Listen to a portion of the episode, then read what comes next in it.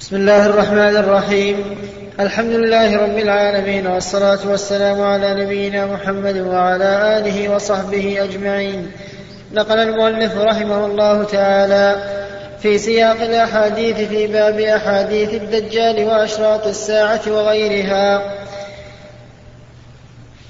عن, عن أبي هريرة رضي الله عنه أن رسول الله صلى الله عليه وسلم قال لا تقوم الساعة حتى يقاتل المسلمون اليهود حتى يختبئ اليهودي من وراء الحجر والشجر فيقول فيقول الحجر والشجر يا مسلم هذا يهودي خلفي تعال فاقتله إلا الغرقد فإنه من شجر اليهود. متفق عليه. وعنه رضي الله عنه قال قال رسول الله صلى الله عليه وسلم لا تقوم الساعة حتى يحسر الفرات عن جبل من ذهب يقتتل عليه فيقتل من كل مائة تسعة وتسعون فيقول كل واحد منهم لعلي أن أكون أنا أنجو.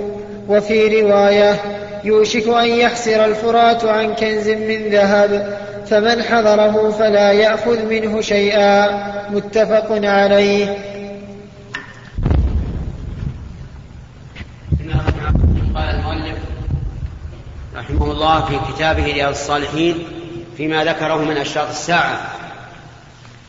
ما نقله عن أبي هريرة رضي الله عنه أنه لا تقوم الساعة حتى يقتتل المسلمون واليهود.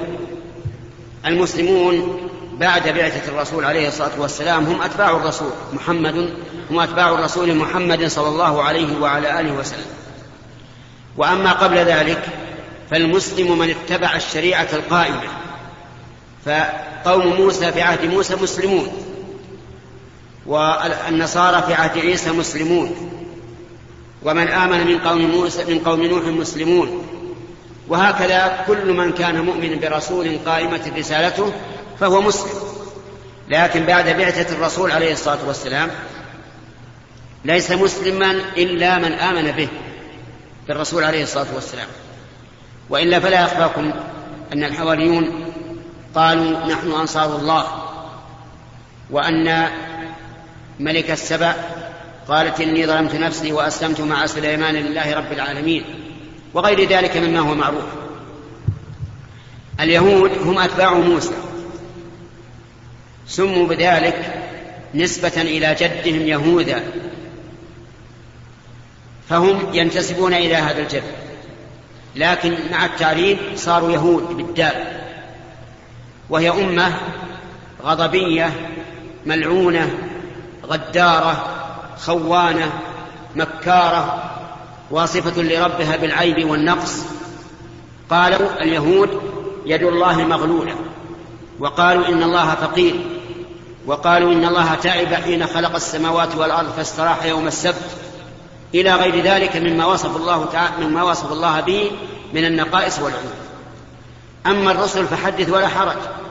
كفروا بالرسل وقتلوهم بغير حق وقتلوا المسيح عيسى ابن مريم بزعمهم وما قتلوه وما صدفوه فهم أخبث أمة من الأمم اليهود وهم قوم خونة غدارة لا يكون بعهد ولا ذمة ولا يؤتمنون على شيء.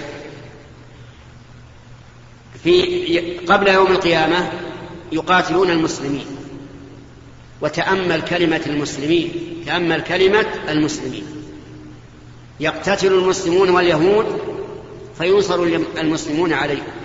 نصرا عزيزا حتى إن اليهودي يختبئ بالحجر يعني يتغبى به وبالشجر فيقول الحجر والشجر ينطقه الله الذي أنطق كل شيء. يا مسلم هذا يهودي تحتي فاقتله. أحجار تنطق وأشجار. لماذا؟ لأن القتال بين المسلمين واليهود. أما بين العرب واليهود فهذا الله أعلم من ينتصر. لأن الذي يقاتل اليهود من أجل العروبة قد قاتل حمية وعصبية ليس لله عز وجل. ولا يمكن أن ينتصر ما دام ما دام قتاله من أجل العروبة لا من أجل الدين والإسلام إلا أن يشاء الله. لكن إذا قاتلناهم أي اليهود من أجل الإسلام ونحن على الإسلام حقيقة فإننا غالبون بإذن الله. حتى الأشجار والأحجار تتكلم لصالحنا وضد اليهود. حتى الحجر يقول هذا يهودي فاقتله والشجر يقول هذا يهودي فاقتله أما ما دامت المسألة عصبية وعروبة وما أشبه ذلك فلا ضمان للنصر. أبدا. ولهذا لا يمكن أن يقوم للعرب قائمة على هذا الأساس أي أساس العروبة. والدليل على ذلك الواقع. وطحنوا وخبزوا على عليها ومن أجلها ولم تستفد شيئا. بل بالعكس صارت النكبات العظيمة من اليهود على العرب شيء عظيم. احتلوا ديارهم. وحاصروهم وآذوهم. لكن لو كان القتال من أجل الإسلام وباسم المسلمين ما قامت اليهود قائمة. لكن من جهل العرب صاروا يقاتلون اليهود من أجل العرب من أجل العروبة. ولذلك لم ينصروا عليهم حتى الآن. الانتصار على اليهود حقيقة في الإسلام لا غير. ولن تقوم الساعة حتى يحصل ما ما أخبر به الصادق المصدوق رسول الله صلى الله عليه وسلم. يقاتل المسلمون اليهود فيقتلهم المسلمون وينتصرون عليهم ويظهرون عليهم وينادي الحجر والشجر الذي ليس من عادته أن ينطق. يا يا مسلم هذا يهودي فاقتله كذلك أيضا من أشراط الساعة والذي لا بد أن يكون أن الفرات وهو النهر المعروف في شرقي أقصى الجزيرة يحصل عن ذهب جبل من ذهب أو كنز من ذهب. يحصل بمعنى أن الذهب يخرج جبل ذهب والذهب معروف. رأيت الناس قد ذهبوا إلى من عنده إيش؟ ذهب. رأيت الناس قد ذهبوا إلى من عنده ذهب. الذهب يسلب العقول. كل يريد الذهب سوف يحصر هذا هذا سوف يحصر هذا الماء النهر الجاري عن جبل من ذهب. سبحان الله جبل من ذهب ولا حصى إيش؟ من ذهب يقول الرسول عليه الصلاة والسلام يخرج ذهب فينحش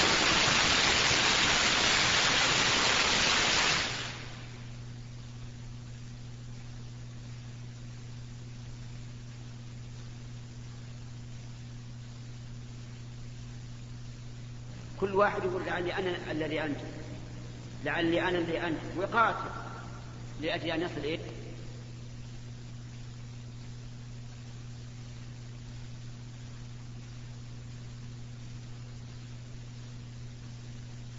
البترول. وصاروا يسمونه الذهب الأسود. فالله أعلم بما أراد رسول الله. لكن نحن إلى الآن لا نعرف الذهب إلا هذا المعدن الأصفر المعروف. فنبقى على ما هو عليه. ووراءنا أيام. الدنيا ما انتهت بعد حتى نقول لا بد أن نطبق الحديث على الواقع. لو, لو, لو أن الدنيا انتهت قلنا نعم صدق رسول الله والمراد بالذهب هذا البترول لأنه يباع بالذهب. لكنه ما دامت المسألة ما تمت الدنيا فنحن ننتظر ما أخبر به الصادق المصدوق ولا بد أن يقع ويقتتل الناس عليه. فلا وهذا من أشراط الساعة لكنه لم يأتي بعد. والله موفق أفيجدانها وحوشا حتى إذا بلغا ثنية الوداع خرا على وجوههما. متفق عليه. وعن أبي سعيد الخدري رضي الله عنه أن النبي صلى الله عليه وسلم قال يكون خليفة من خلفائكم في آخر الزمان يحث المال ولا يعده رواه مسلم.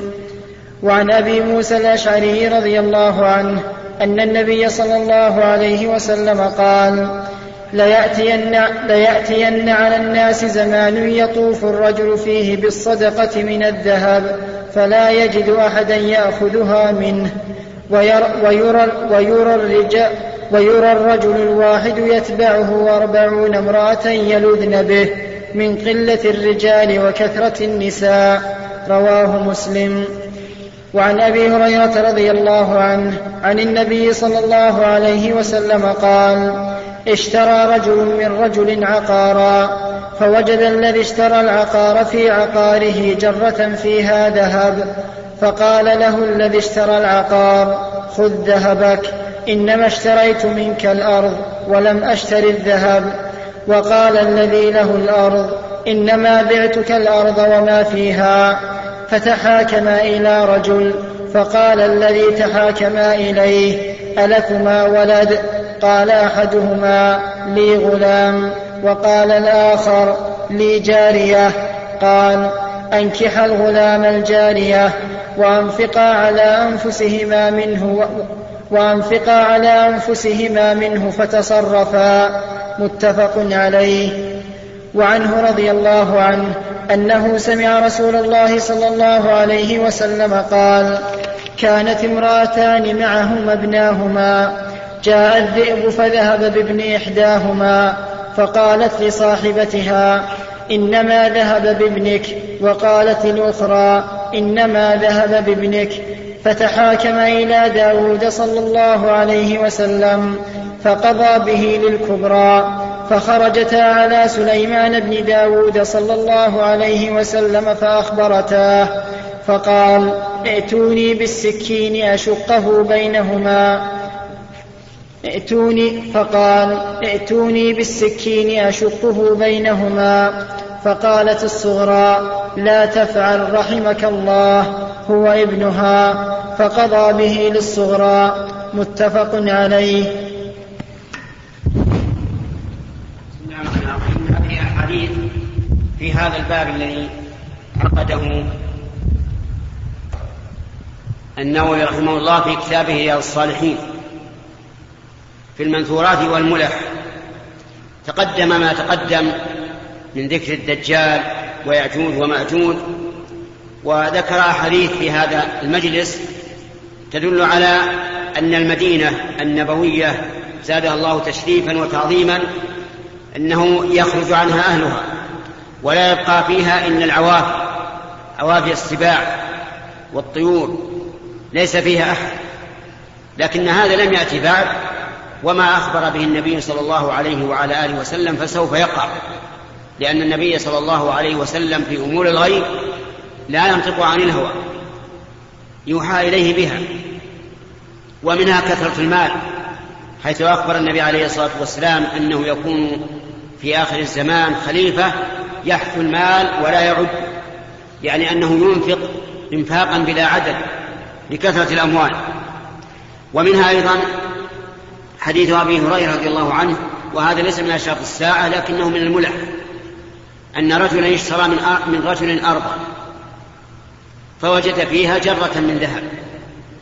فذهب المشتري إلى البائع وقال خذ هذا هذا مالك أنا إنما اشتريت الأرض ولم أشتري الذهب. فقال البائع أنا بعت الأرض وما فيها. هذا يدل على ورعهما. كل واحد ورع يقول ليس لي هذا المال. فتحاكم إلى رجل فقال لأحدهما ألك ابن قال نعم. وقال للثاني ألك جارية؟ قال نعم. قال زوج الابن بالجارية واجعل, واجعل هذا الذهب للمهر والنفقة. ففعل. ففي هذا دليل على أن أنه يوجد من الناس من هو ورع إلى هذا الحد. أما حكم هذه المسألة فقال العلماء رحمهم الله إن الإنسان إذا باع أرضا على شخص ووجد المشتري ووجد المشتري فيها شيئا مدفونا من ذهب أو غيره فإنه لا يملكه بملك الأرض بل يكون للبائع وإذا كان البائع اشتراها من آخر فهي للأول لأن, لأن هذا المدخول ليس من, من الأرض بخلاف المعادن لو اشترى أرضا ووجد فيها معدنا من ذهب أو فضة أو حديد أو نحاس أو غيره فإنه يتبع الأرض. هذا من الملح. ومنها أيضا حديث أبي هريرة في قصة امرأتين خرجتا بابنين لهما فأكل الذئب ابن واحدة منهما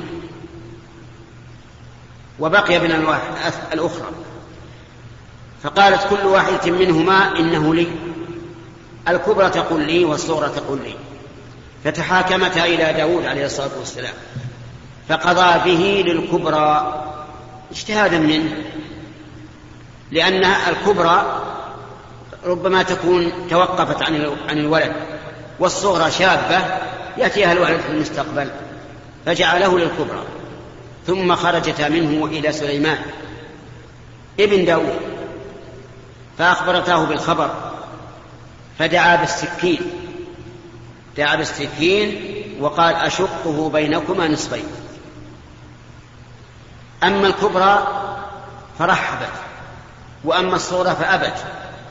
قالت لا لا تفعل يرحمك الله. هو ابنها. أدركتها الشفقة لأنه لأنه ابنها حقيقة وللصغرى وليس للكبرى. الكبرى لم تبالي به لأنه ابن غيرها ولا, ولا, ولا يهمها. أن يذهب كما ذهب ولدها الذي أكله الذئب. لكن الصغرى أدركتها الرحمة قالت هو لها يا, يا نبي الله. فقضى به للصغرى. بأي, بأي بينة؟ القرينة. لأن كونها ترحم هذا الولد وتقول هو للكبرى ويبقى حيا وإن كان سيكون عند غيرها لكن بقاؤه حيا ولو كان عند غيرها أهون من أن يشق نصفين. فقضى به للصورة. أخذ العلماء من هذا الحديث العمل بالقرائن وأنه يجوز للقاضي أن يحكم بالقرائن إذا كانت قوية. ومن ذلك ما حصل بين امرأة العزيز ويوسف بن يعقوب عليهما الصلاة والسلام. يوسف بن يعقوب من المعلوم أنه حبس في السجن وكان عليه الصلاة والسلام جميلا جدا حتى إنه أعطي نصف الحسن نصف جمال الناس في يوسف. فامرأة العزيز وهي امرأة ملك لها حسب ولها منزلة لكن عجزت أن تملك نفسها حتى مكرت به وكالت له وأدخلته في البيت وغلقت الأبواب ودعته إلى نفسها والعياذ بالله. ولكنه عصمه الله عز وجل.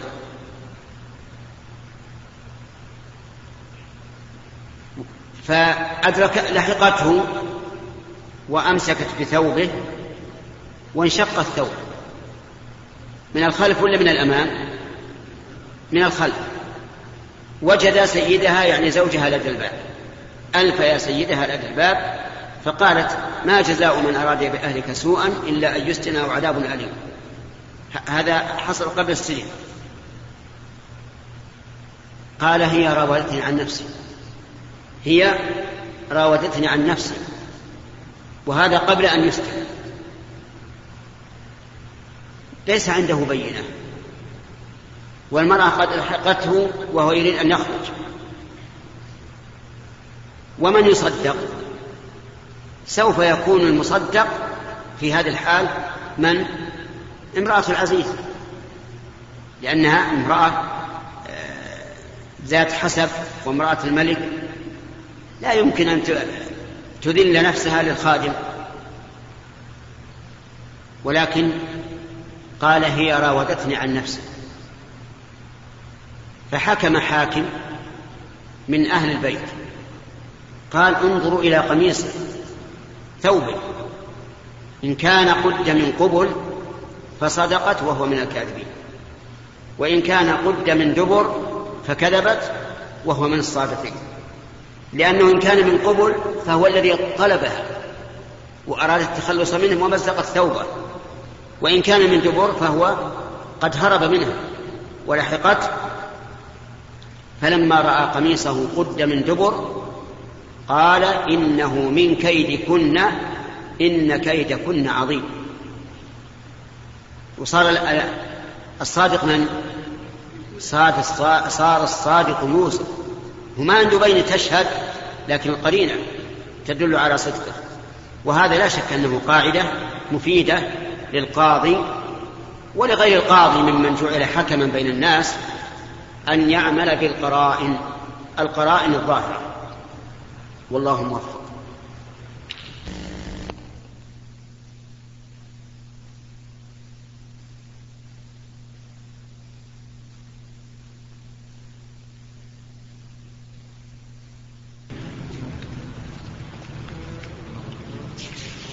بسم الله الرحمن الرحيم الحمد لله رب العالمين والصلاة والسلام على نبينا محمد وعلى آله وصحبه أجمعين نقل المؤلف رحمه الله تعالى في سياق الأحاديث في باب أحاديث الدجال وأشراط الساعة وغيرها عن مرداس الأسلمي رضي الله عنه قال قال النبي صلى الله عليه وسلم يذهب الصالحون الأول فالأول ويبقى حثالة كحثالة الشعير أو التمر لا يباليهم الله باله رواه البخاري. وعن رفاعة بن رافع الزرقي رضي الله عنه قال جاء جبريل إلى النبي صلى الله عليه وسلم قال ما تعدون أهل بدر فيكم؟ قال من أفضل المسلمين أو كلمة نحوها؟ قال وكذلك من شهد بدرا من الملائكة رواه البخاري. وعن ابن عمر رضي الله عنهما قال قال رسول الله صلى الله عليه وسلم إذا أنزل الله تعالى بقوم عذابا أصاب العذاب من كان فيهم ثم بعثوا على أعمالهم. متفق عليه.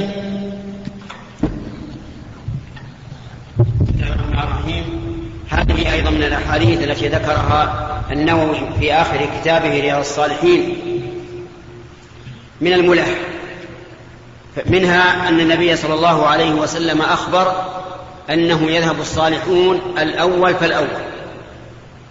ثم يبقى حثالة كحثالة الشعير أو التمر لا يبالي بهم. الله بالا يعني لا لا يبالي بهم ولا يرحمهم. ولا ينزل عليهم الرحمة. فالصالحون يذهبون الأول فالأول.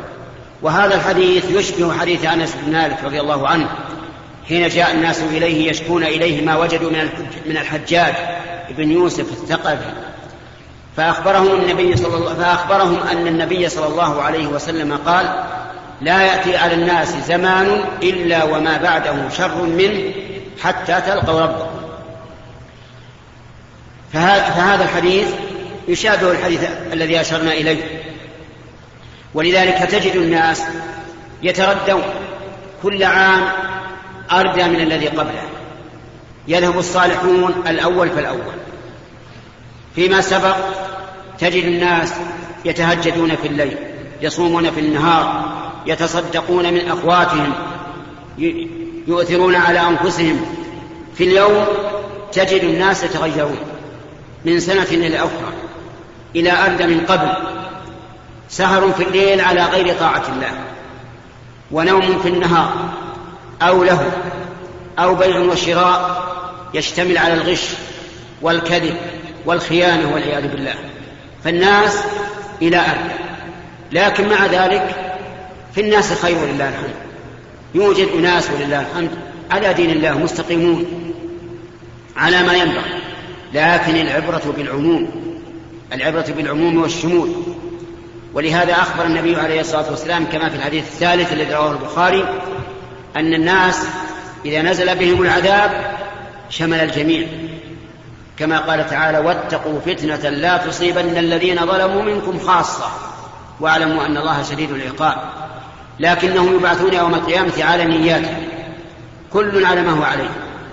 فلذلك يجب الحذر من أن يكون الإنسان من الحثالة التي كحثالة الشعير والتمر وأن يحرص على أن يستقيم على أمر الله. حتى لو كان الناس قد هلكوا فإنه لو أصيبوا بعذاب يبعث كل منهم على نيته يوم القيامة. حيث لو صدق نعم. كذلك أيضا من الملح. أن جبريل أتى النبي صلى الله عليه وسلم فقال له ما تعدون أهل بدر فيكم؟ قال النبي صلى الله عليه وسلم من أفضل المسلمين أو كلمة نحوها. قال وكذلك الملائكة الذين قاتلوا في بدر. بدر اسم مكان بين مكة والمدينة معروف. كان فيه وقعة بين المسلمين والمشركين. سببها أن أبا سفيان صخر بن حرب كان رئيسا في قومه في أهل مكة وكان قد قدم من الشام بميرة يعني بعير فيها طعام لأهل مكة. فلما سمع بذلك النبي صلى الله عليه وسلم أنه قادم إلى مكة أخبر أصحابه بأن أبا سفيان قادم إلى مكة بعير يعني بتجارة لأهل مكة. وكان أهل مكة قد أخرجوا المسلمين من ديارهم وأموالهم واستباحوا أموالهم. فكان للمؤمنين أن يستبيحوا أموال الكفار جزاء وفاقا. فندب النبي عليه الصلاة والسلام أصحابه ليخرجوا إلى هذه العير. إيش قلنا العير؟ ما هي؟ نعم. التجارة. يعني أحمال إبل محملة التجارة من الشام إلى مكة.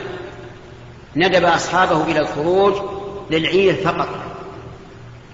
فخرج معه ثلاثمائة وبضعة عشر رجلا. يعني ما بين العشرة إلى العشرين. ثلاثمائة وعشرين أو ثلاثمائة وعشرة أو ما بين ذلك. ليس معهم. لا سلاح.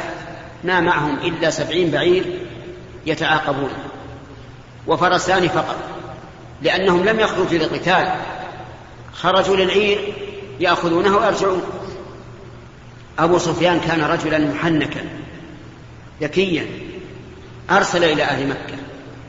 وقال لهم أنقذوا عيركم. محمد وأصحابه سيخرجون إلينا يأخذوننا. ثم سلك طريق البحر على سيف البحر يعني تياما أبعد عن المدينة. وقريش لما سمعت بهذا أخذتها حمية الجاهلية. فاستنفروا ونفروا جميعا لكبرائهم وعظمائهم لحكمة أرادها الله عز وجل. خرجوا فلما خرجوا ظاهر مكة جاءهم الخبر أن أبا سفيان سلم ونجا لأنه سلك سيف البحر بعيدا عن المدينة ولم يدركه الرسول وأصحابه. فاستشاوروا فيما بينهم. قالوا ما دامت العير قد نجت هل نرجع إلى مكة؟ وما لنا وللحروب فقال كبراؤهم كأبي جهل وغيره والله ما ما نرجع إلى مكة أبدا حتى نصل إلى بدر وهي نقطة المفرط بين طريق مكة والمدينة والشام حتى نصل إلى بدر. استمع. ننحر الجزور. يعني الإبل. ونشرب الخمور. نعوذ بالله. وتعزف علينا القيان الجواري يعزفن عليهم بضرب الدفوف. فرحا وطربا. وتسمع بنا العرب. فلا يزالون يهابوننا ابدا. أعوذ بالله. خرجوا من كما قال عز وجل عز وجل خرجوا من ديارهم بطرا ورئاء الناس. فصمموا على أن يقابلوا الرسول عليه الصلاة والسلام. والتقوا في بدر. التقوا في بدر. كان النبي عليه الصلاة والسلام وأصحابه كم قلنا لكم؟ ثلاثمائة وبضعة عشر رجلا. وقريش تسعمائة رجل ما بين تسعمائة إلى ألف. لكن قريش مستعدة للحروب بالحرب معها العتاد ومعها القوة. والرسول عليه الصلاة والسلام ما استعد. ولكن الله عز وجل جمع بينهم على غير ميعاد لينفذ ما حكم وأراد عز وجل. التقوا. التقوا. وفي هذا يقول الله عز وجل إذ يريكهم الله في منامك قليلا. رآهم الرسول صلى الله عليه وسلم رأى قريش في المنام قليلا. ليتشجع على ملاقاته. إذ يريكم الله في منامك قليلا. ولو أراكهم كثيرا لفشلت ولتنازعتم في الأمر. وإذ يريكموهم إذ التقيتم في أعينكم قليلا. ويقللكم في أعينهم. سبحان الله. هم يرون الصحابة قليلين والصحابة يرونهم قليلين. علشان إيش؟ كل واحد ينشط في مقابلة الآخر. فالتقوا حصلت معركة. فقتل من المسلمين جمع كثير. قتل كم؟ سبعون رجلا. نعم قتل من من أهل مكة. سبعون رجلا وأسر سبعون رجلا.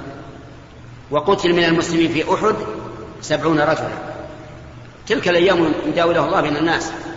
المهم أنها حصلت الوقعة. وقاتلوا قتالا شديدا. وقتلت قتل صناديد قريش.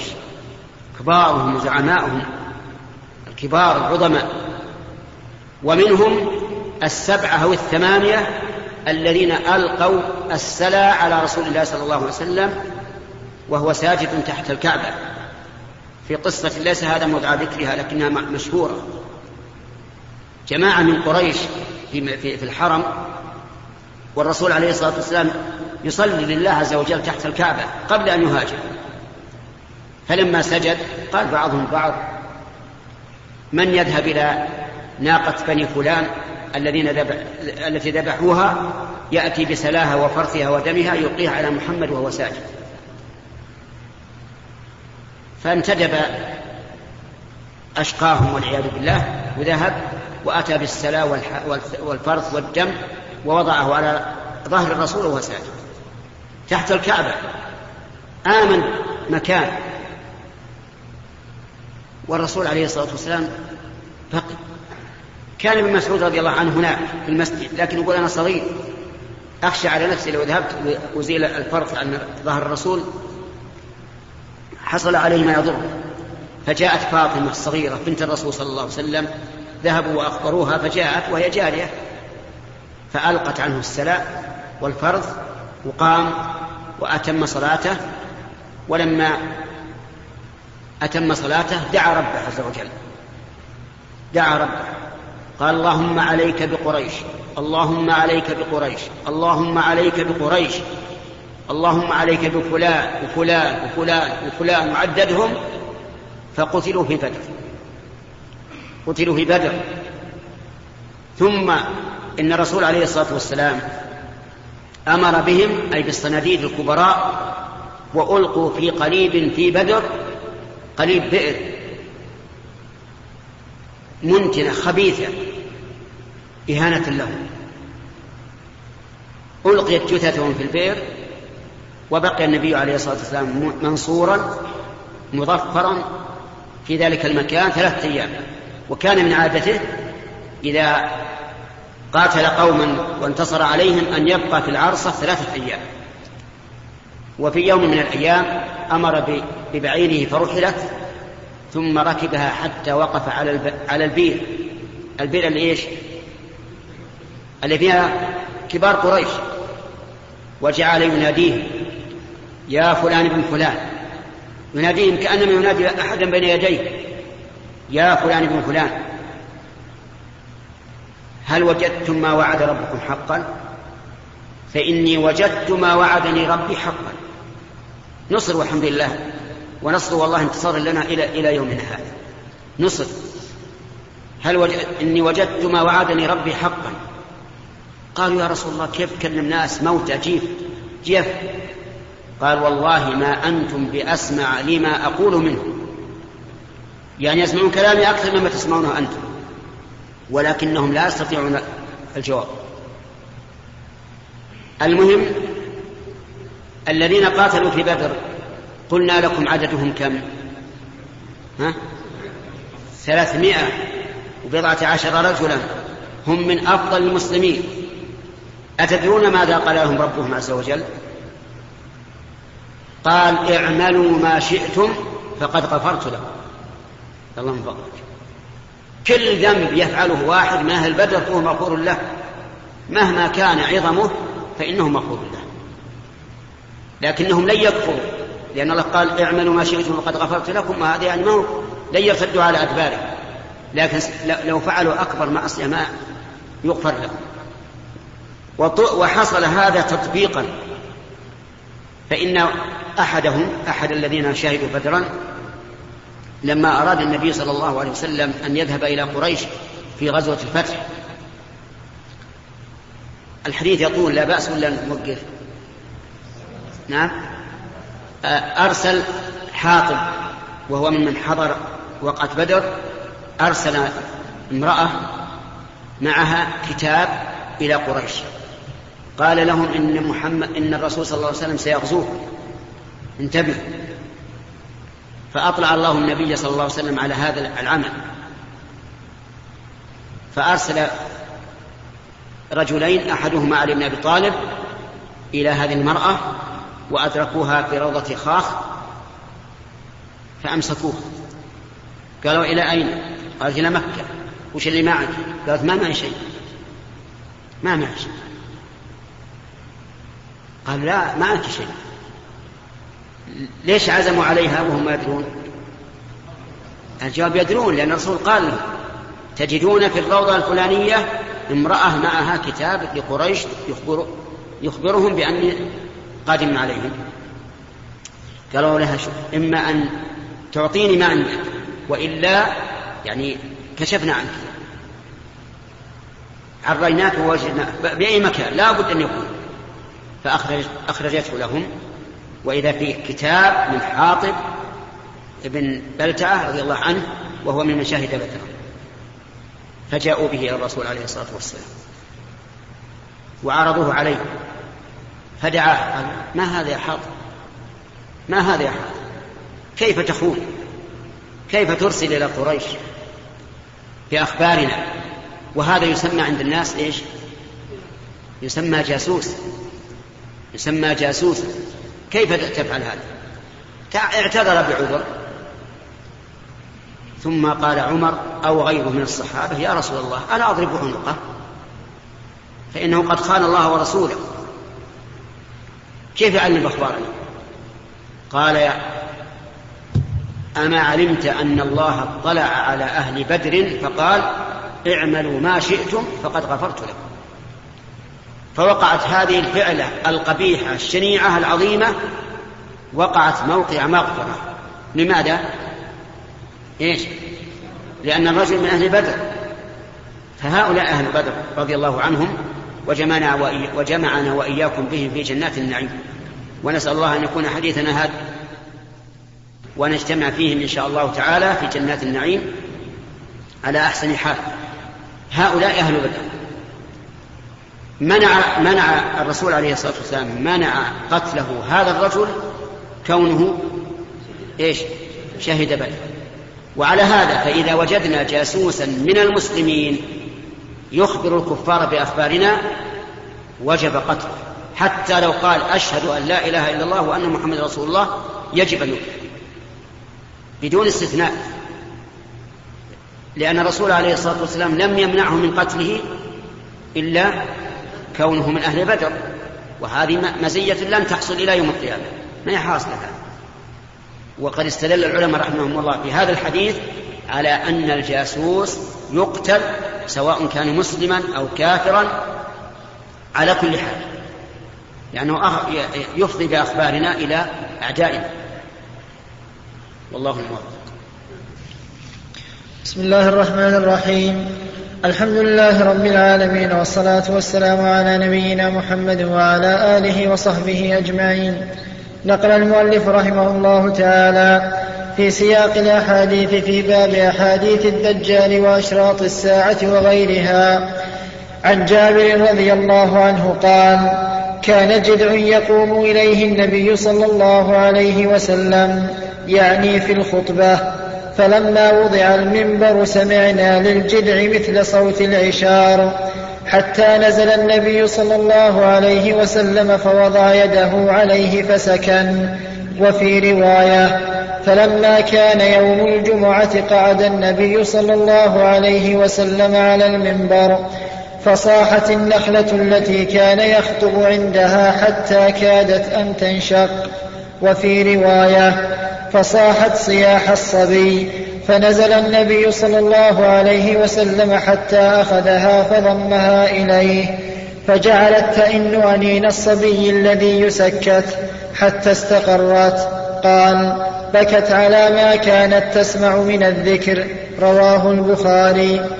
وعن أبي ثعلبة, وعن أبي ثعلبة الخشني رضي الله عنه عن رسول الله صلى الله عليه وسلم أنه قال إن الله تعالى فرض فرائض فلا تضيعوها وحد حدودا فلا تعتدوها وحرم أشياء فلا تنتهكوها وسكت عن أشياء رحمة لكم غير نسيان فلا تبحثوا عنها حديث حسن رواه الدار قطني وغيره. وعن عبد الله بن أبي أوفى رضي الله عنهما قال غزونا مع رسول الله صلى الله عليه وسلم سبع غزوات نأكل الجراد وفي رواية نأكل معه الجراد متفق عليه. وعن أبي هريرة رضي الله عنه أن النبي صلى الله عليه وسلم قال لا يلدغ المؤمن من جحر مرتين متفق عليه. في المنثورة التي ذكرها المؤلف رحمه الله في آخر كتابه رياض الصالحين. حديث جابر وفيه آية من آيات الله عز وجل وآية لرسول الله صلوات الله وسلامه عليه واعلم أن الله تعالى لم يبعث نبيا إلا آتاه من الآيات ما يؤمن على مثله البشر. لأنه لو أرسل رسولا بدون آية تدل على أنه رسول الله ما صدقه أحد ولكان للناس عذر في في رد قوله. ولكن الله تعالى بحكمته ورحمته ما أرسل رسولا إلا آتاه من الآيات ما يؤمن على مثله البشر. الآيات يعني العلامات التي تدل على صدقه وآيات النبي صلى الله عليه وعلى آله وسلم كثيرة. ومن أراد الاستزادة منها فعليه بكتابين. أحدهما الجواب الصحيح لمن بدل دين المسيح فقد ذكر رحمه الله شيخ الإسلام في هذا الكتاب في آخره من آيات النبي عليه الصلاة والسلام الكونية والشرعية ما لم ما لم يحصل لغيره رحمه الله رحمة واسعة. وكذلك ابن كثير وهو الكتاب الثاني في البداية والنهاية. فآيات النبي عليه الصلاة والسلام كثيرة منها ما ذكره جابر. كان النبي صلى الله عليه وعلى آله وسلم يخطب يوم الجمعة إلى جذع نخلة في مسجد. فلما صنعت له امرأة من الأنصار منبرا من أثر الغابة كرسي يخطب عليه. خطب عليه عليه الصلاة والسلام أول جمعة. فجعل هذا الجذع الذي كان يخطب إليه جعل يحن حنان العشاء. يرفع رواء البعيد وأحيانا يبكي بكاء الصبي لفقد النبي صلى الله عليه وسلم. الله أكبر. جمال جذع يبكي لفقد الرسول عليه الصلاة والسلام.